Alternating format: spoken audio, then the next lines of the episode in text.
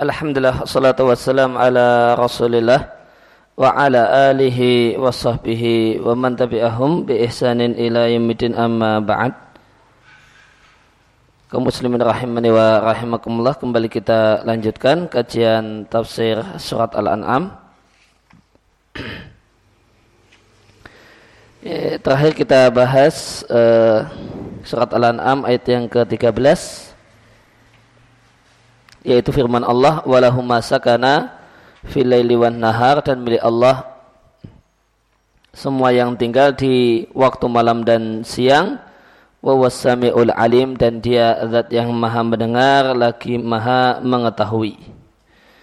E, kandungan ayat ini yang pertama adalah menjadi hak khusus Allah ke kekhasan Allah tabaraka wa taala memiliki segala sesuatu maka segala sesuatu hanyalah milik Allah itu bahasa bebasnya. Dari mana kita simpulkan, kita bisa simpulkan kesimpulan semacam ini? Karena eh, di sini khobar itu terletak di depannya mubtada yaitu walahu masakana filai wan nahar. Mubtadanya lahu. Dan kaidah dalam ilmu balaghah inna taqdima mahakuh ta'khir yufitul hasra. Ini kaidah dalam ilmu balaghah. Mendahulukan sesuatu yang harusnya letaknya di belakang. Contohnya khobar itu menghasilkan makna hanya. Walihada oleh karena itu kami katakan sini firman Allah di surat Al-Fatihah iyyaka na'budu adalah muatannya adalah tauhidun khalis murni tauhid karena maknanya kami tidaklah menyembah kecuali kepadamu.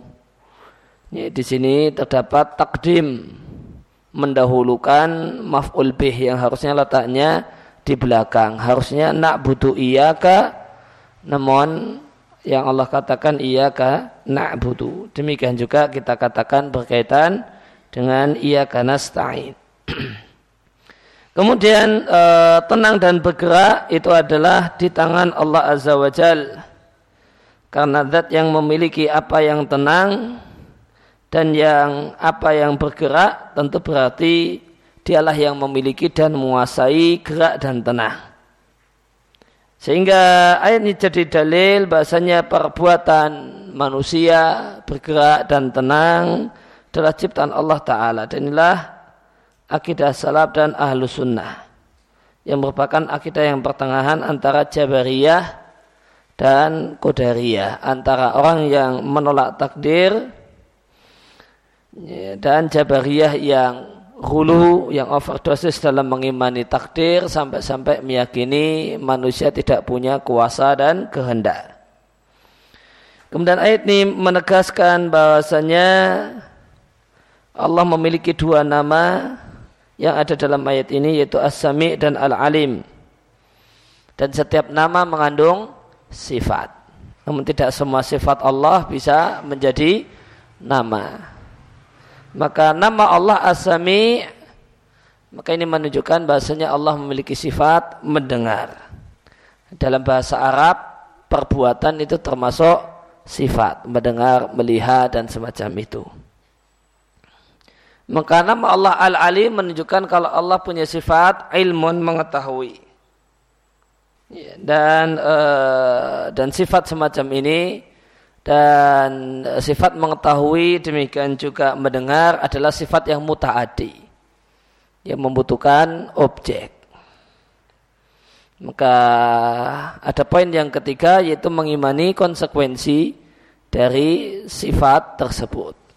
Maka Allah mendengar semuanya dan Allah mengetahui segala sesuatu. Tidak ada satupun yang tidak Allah ketahui. Yang jika seorang itu e, mengimani konsekuensi dari mendengar dan mengetahui ini, ya, makin akan menyebabkan orang akan ya, merasa takut untuk berbuat maksiat. Dan orang akan merasa semangat untuk melakukan taat. Karena semuanya Allah ketahui dan semuanya Allah dengar. Sehingga tidak ada yang tidak tercatat. Tidak ada yang tidak terdata, semuanya terdata. Kemudian ayat berikutnya ayat yang ke-14 dari surat Al-An'am adalah firman Allah Azza wa Jal ku akhallahi attakhidu waliyan fatiris samawati wal ard. Katakanlah apakah pada selain Allah aku menjadikan mengangkat wali pelindung. Pencipta langit dan bumi wa wa yut'imu wa la yut'am dia yang memberi makan dan tidak diberi makan. Kul ini umirtu katakanlah kalau aku di, diperintahkan an akuna supaya aku menjadi awal man aslama orang yang pertama kali berislam. Wala takunanna minal musyrikin dan janganlah engkau menjadi bagian dari orang-orang musyrik maka Allah Azza wa Jal memerintahkan Nabi Muhammad Sallallahu Alaihi Wasallam untuk mengatakan dengan terus terang, dengan lantang, Aghalai ataridu waliyan. Apakah aku mencari penolong selain Allah Subhanahu wa taala? astangsiru bihi aku mencari memohon mengupayakan pertolongan dan kemenangan dengannya dan dialah yang akan mengurusi perkaraku dan akulah yang akan melaksanakan syariatnya maka eh, kata tanya di sini maknanya adalah tidak maknanya adalah tidak apakah aku akan mencari penolong selain Allah jawabannya Aku tidak akan cari penolong selain Allah. Ya, berkaitan dengan aralai atakhidu waliyan di sini uh, terjadi susunan yang bolak-balik. Kalau kita ingin urutkan, maka dalam nahwu maka punya adalah kul atakhidu ghairallahi waliya. Ya, Atakhidu, apakah aku akan menjadikan ghairullah selain Allah walian sebagai penolong? Maka itakhoda punya dua maf'ul bih. Fatir samawati wal ard pencipta langit dan bumi. Artinya dia menciptakan langit dan bumi tanpa contoh sebelumnya. Ya, maka Allah menciptakan langit dan bumi dan tidak ada model yang dicontoh. Yeah. Wa yutaimu wa la yuta'am dia memberi makan dan tidak diberi makan. Maka Allah Azza wa Jalla dialah yang memberi makan. Yeah. Maka tidak ada satupun orang yang menikmati makanan kecuali Allah lah yang memberikan makanan kepadanya. Dengan Allah mudahkan baginya makanan. Allah mudahkan baginya untuk mendapatkan makanan. Seandainya bukan hak kemudahan dari Allah, niscaya makanan itu tidak akan sampai kepadanya. Sebagaimana firman Allah Azza wa Jal, Kul afara'aitum ma tahruthun. Kabarkanlah kepadaku tentang apa yang kalian baca. A'antum tasra'unahu am nahnu zari'un. Apakah kami, kami yang menumbuhkannya ataukah kalian yang menumbuhkan tanaman? Bukankah kalian cuma membaca, naruh benih setelah itu tidak kerja apa-apa? Yang numbuhkan Allah subhanahu wa ta'ala. Tentu jawaban dari pertanyaan yang ada di surat Al-Waqi'ah ini, bal anta ya Rabbana, bahkan engkau wahai Rabb kami. Kemudian lanjutannya ayat, Lau nasya'u la ja'alnahu toma. Seandainya kami berkehendak, niscaya akan kami jadikan tanaman tersebut hancur. Fadhaltum maka jadilah kalian tafakkahun ada yang bawa apa terjemah eh, kata tafakahun makna asalnya dari fakihah buah-buahan maka kalau cuma lihat maknanya secara bahasa itu bisa artinya makan buah-buahan. Tentu nggak cocok di sini. Namun boleh jadi maknanya berkata atau ngobrol atau bincang-bincang.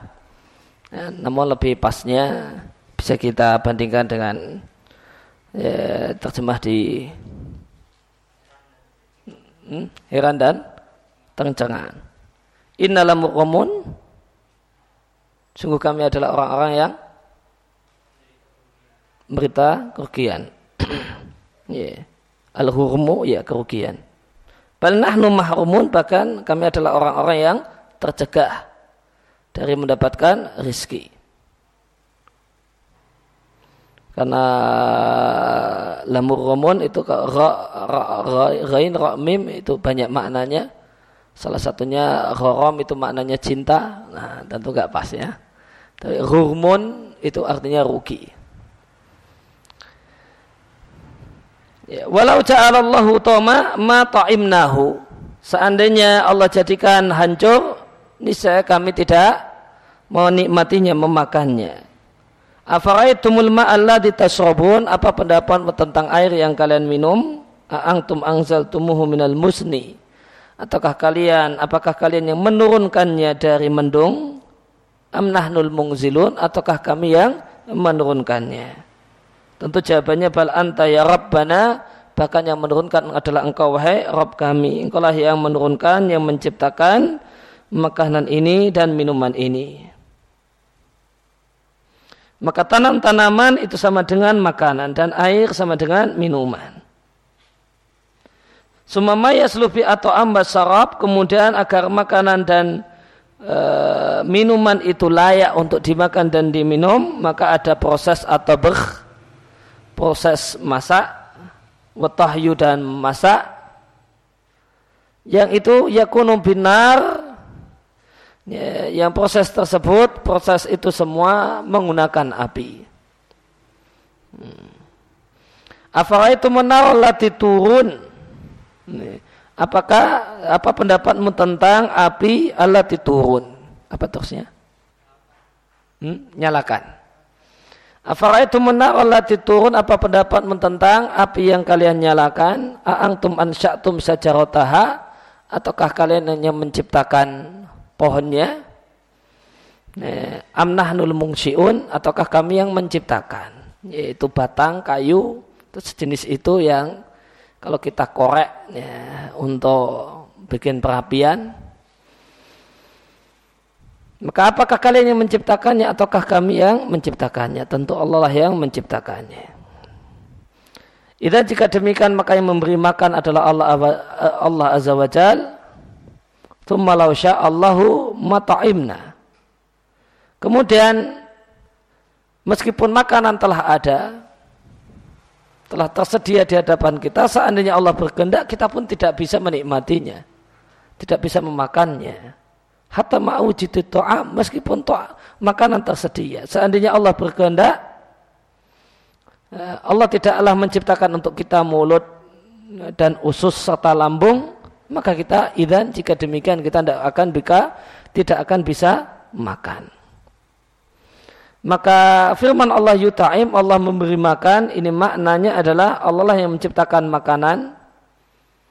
Min makko sesuatu yang dimakan dan diminum. Dan Allah lah yang menciptakan alat untuk layak konsumsinya satu makanan dan minuman.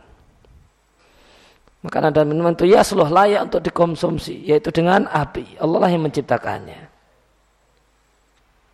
Wakadhalika yujidul al-alat fi bani Adam. Demikian juga Allah yang menciptakan berbagai macam alat fi bani Adam di tengah uh, di tengah-tengah dunia manusia yang alat-alat tersebut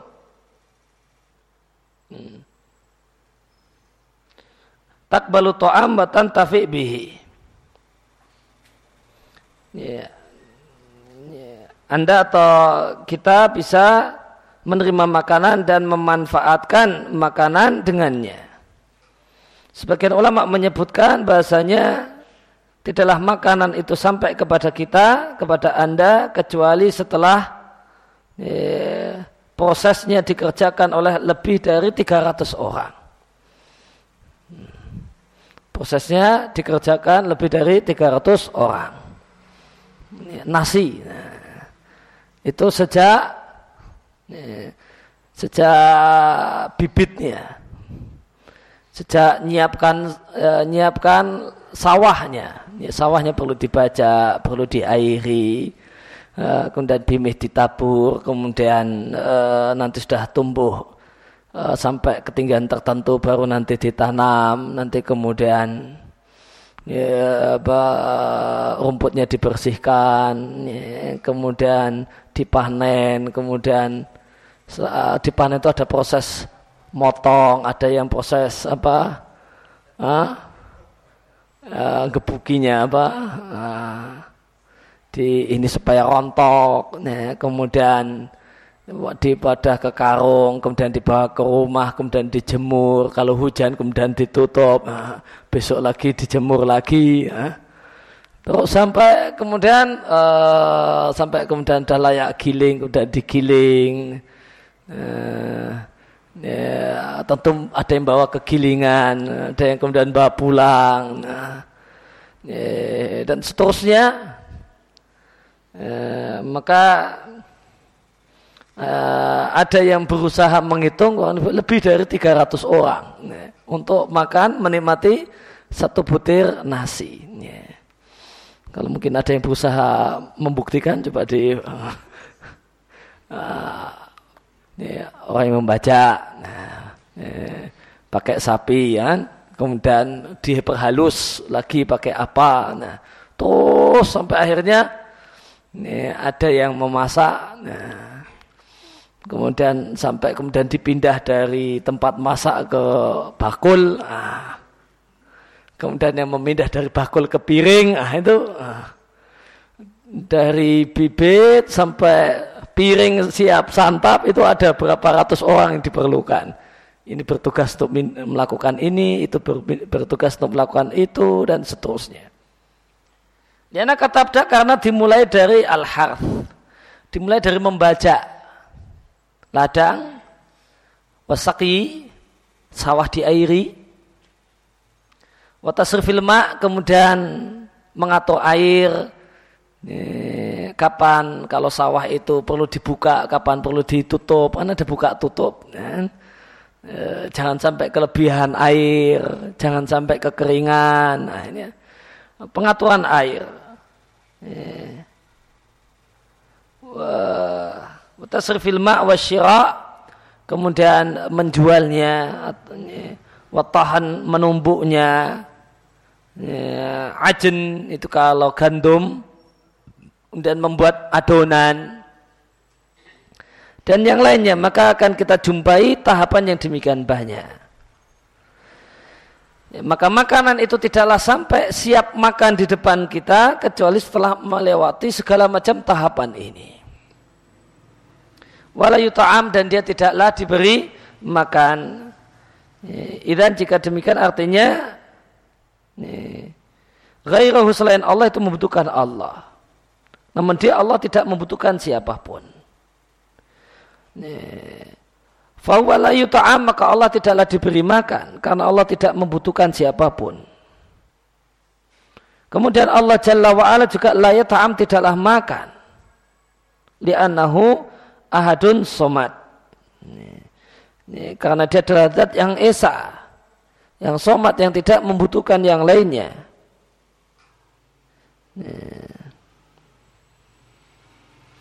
Seandainya Allah itu makan, tentu Allah membutuhkan makanan. Dan ini satu hal yang mustahil bagi Allah Azza wa Jal. Kemudian katakanlah aku diperintahkan supaya menjadi orang yang pertama kali berislam dan janganlah engkau termasuk orang-orang yang musyrik. Ini pengumuman yang lain. Hmm.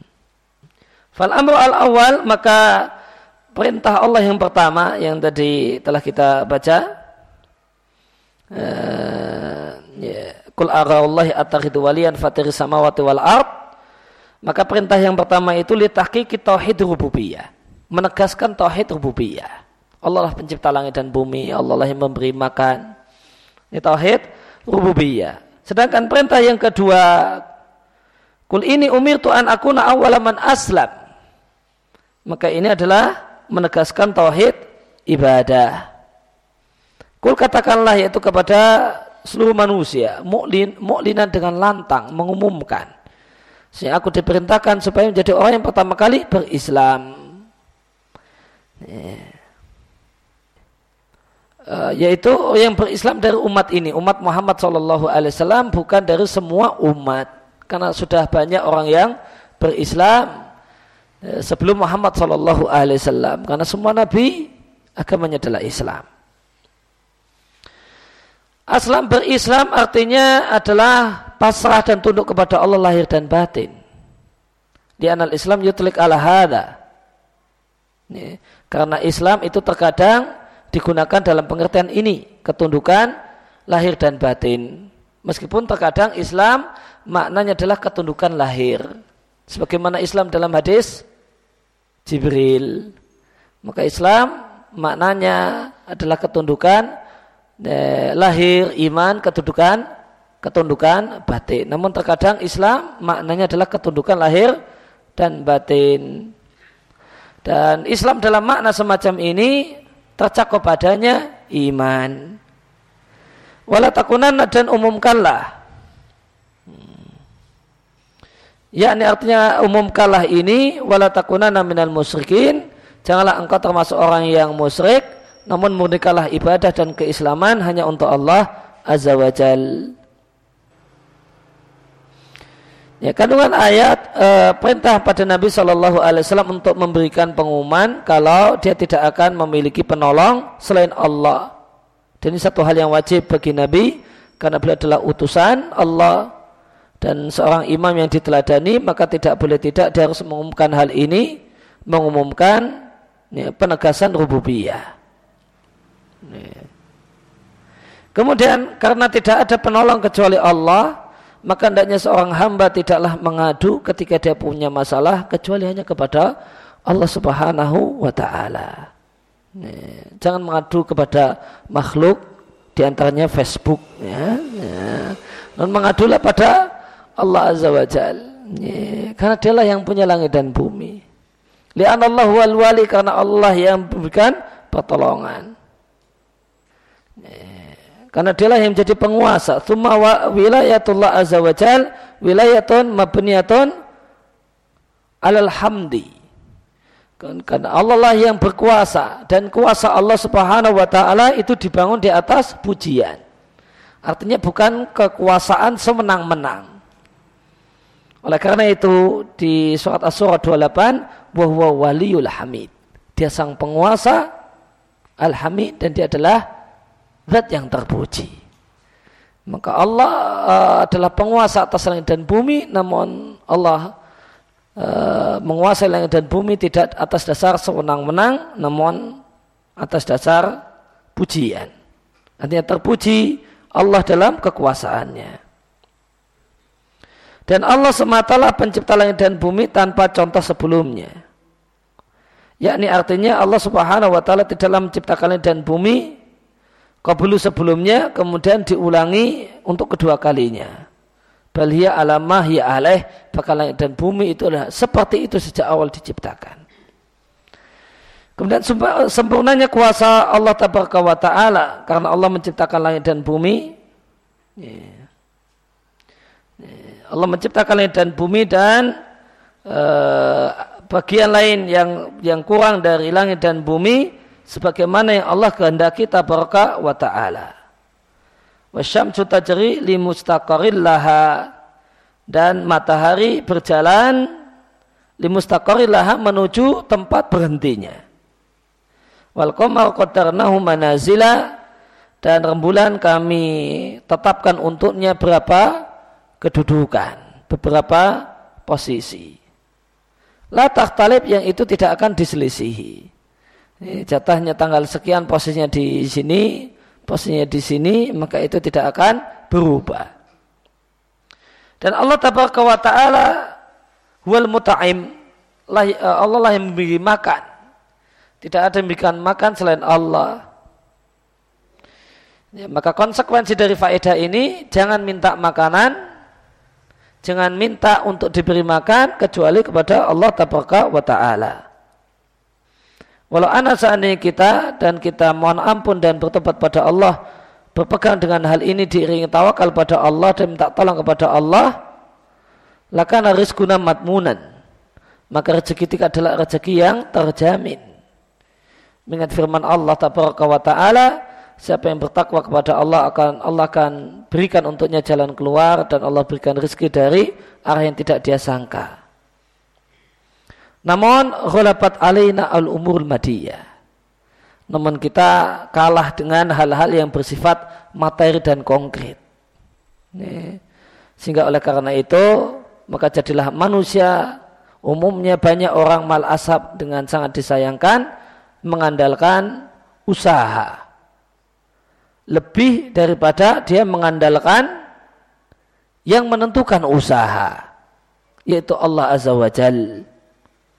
Maka orang lebih mengandalkan eh, lebih pasrah dan mengandalkan kantornya, bisnisnya, eh, tokonya daripada eh, yang ngatur bisnisnya, yang ngatur tokonya dan seterusnya itu Allah tabaraka wa taala. Dalam hadis dari Nabi Shallallahu Alaihi Wasallam Seandainya kalian benar-benar bertawakal kepada Allah, ini saya kalian akan diberi rizki. Sebagaimana seekor burung diberi rizki, dia berangkat pagi hari dalam keadaan khimason kosong, ini artinya jaiah lapar dan pulang sore hari bitonan dalam keadaan kenyang. Ya, tarjik kembali di akhir siang, yaitu di sore hari. Namun hadis Nabi yang uh, baru saja kita baca uh, bukan berarti ya, menunjukkan kalau orang itu tidak perlu berusaha. Bahkan uh, Nabi katakan tawakal yang benar adalah tawakalnya burung. Gimana tawakalnya burung? Apa dia cuma di sarangnya saja kemudian kenyang? Tidak, dia pergi keluar rumah, muter-muter. Nah, muter-muternya juga bukan cuma dulan-dulan saja ya. Nah, cuma muter-muter ya tidak dapat apa-apa ya muter-muter ya. untuk saya pulang bawa rezeki kemudian berikutnya sebenarnya Allah tidak ada seorang pun yang memberi makan kepada Allah karena Allah tidak membutuhkan makanan dan Allah tidak membutuhkan lainnya karena dia tidak membutuhkan makanan wah itu demikian juga karena dia tidak membutuhkan yang lain karena Allah itu zat yang maha kaya tidak membutuhkan segala sesuatu selainnya. Bahkan kuluman siwahu segala sesuatu selain Allah itu membutuhkan Allah Subhanahu wa taala. Dan wajibnya Nabi memberikan pengumuman tentang dirinya. Bahasanya dia adalah orang yang pertama kali berislam, yaitu berislam dari umat ini. Dan ini pun telah terjadi. Nabi pun telah melaksanakan hal ini. Kemudian Nabi sendiri Shallallahu Alaihi wa alihi Wasallam membutuhkan keislaman dan dia tidak punya hak dalam rububiyah. Sebagaimana ya, beliau tegaskan sendiri ketika beliau memanggil keluarganya yang dekat, maka Nabi panggil dengan namanya.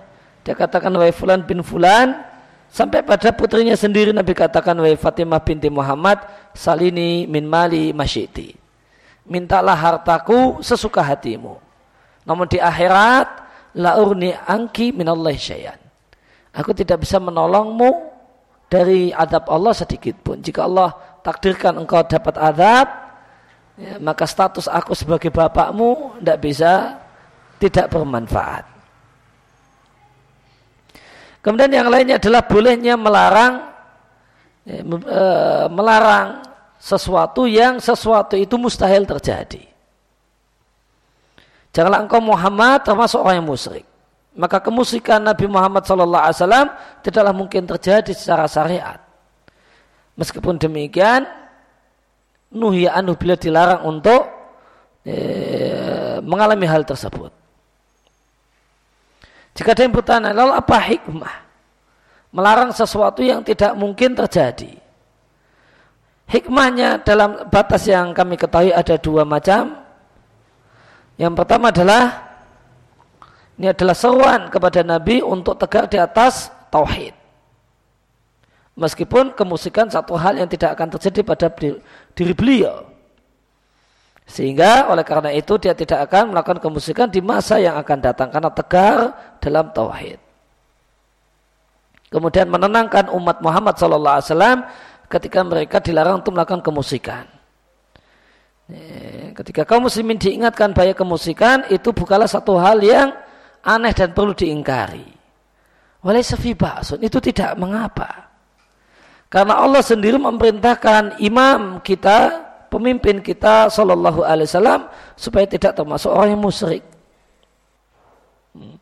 Maka eh, sebagian orang, sebagian bahkan sebagian dai mengatakan, kenapa kita membahas jangan musyrik, jangan musyrik di depan orang Islam?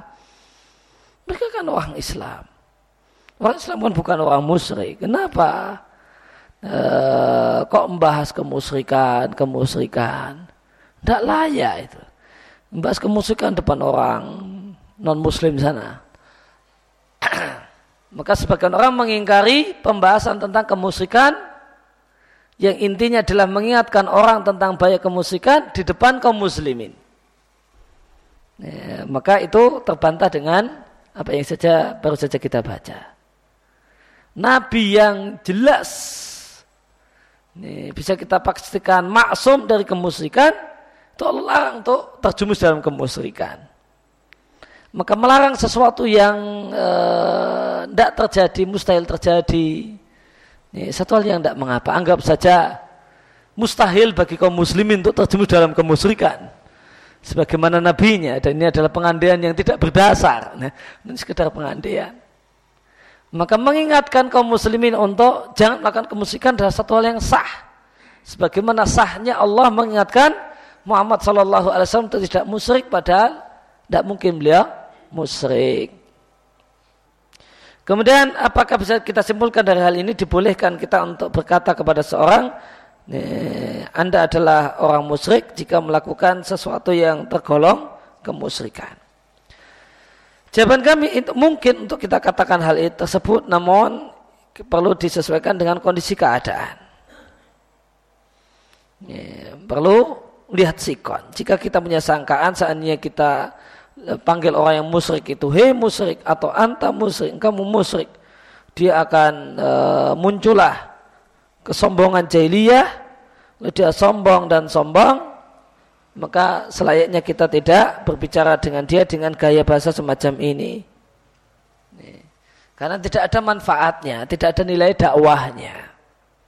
Dan jika kita tahu dia adalah orang yang takut pada Allah, jika kita katakan ini adalah kemusyrikan. Jika Anda melakukannya, maka Anda bisa menjadi musyrik. Dan jika Anda mengatakan kalimat semacam ini, Anda akan jadi orang musyrik lalu orang tersebut merasa takut pada Allah Allah Azza wa Jal lalu dia menjadi kemusikan dengan secara total maka tidaklah mengapa kita sampaikan hal itu tersebut kepadanya maka yang jadi titik poin uh, poin penting yang mau disampaikan ya, melihat itu ada nilai dakwahnya ataukah tidak ada manfaat dakwahnya ataukah tidak ketika ada orang lakukan kemusikan ini yang anda lakukan kemusikan ini bahaya bisa membatalkan iman. Nah ini ya, kalimat semacam ini tidak kita tujukan kepada semua orang. Lihat-lihat. Oh, kalau orang yang bisa diterima, bisa menerima masukan ya kita sampaikan. Kalau tidak, malah dia akan sombong. Ya sudah saya musrik, kamu mau apa? Mana?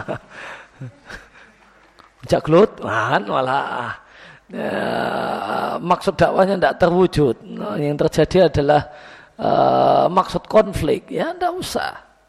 Nggak perlu uh, kita katakan demikian kepadanya. Ya demikian yang kita baca kesempatan malam hari ini. Wassalamualaikum warahmatullahi Muhammadin wa ala alihi wasallam wa. Subhanakallahumma bihamdika asyhadu an la ilaha illa anta astaghfiruka wa atubu ilaik.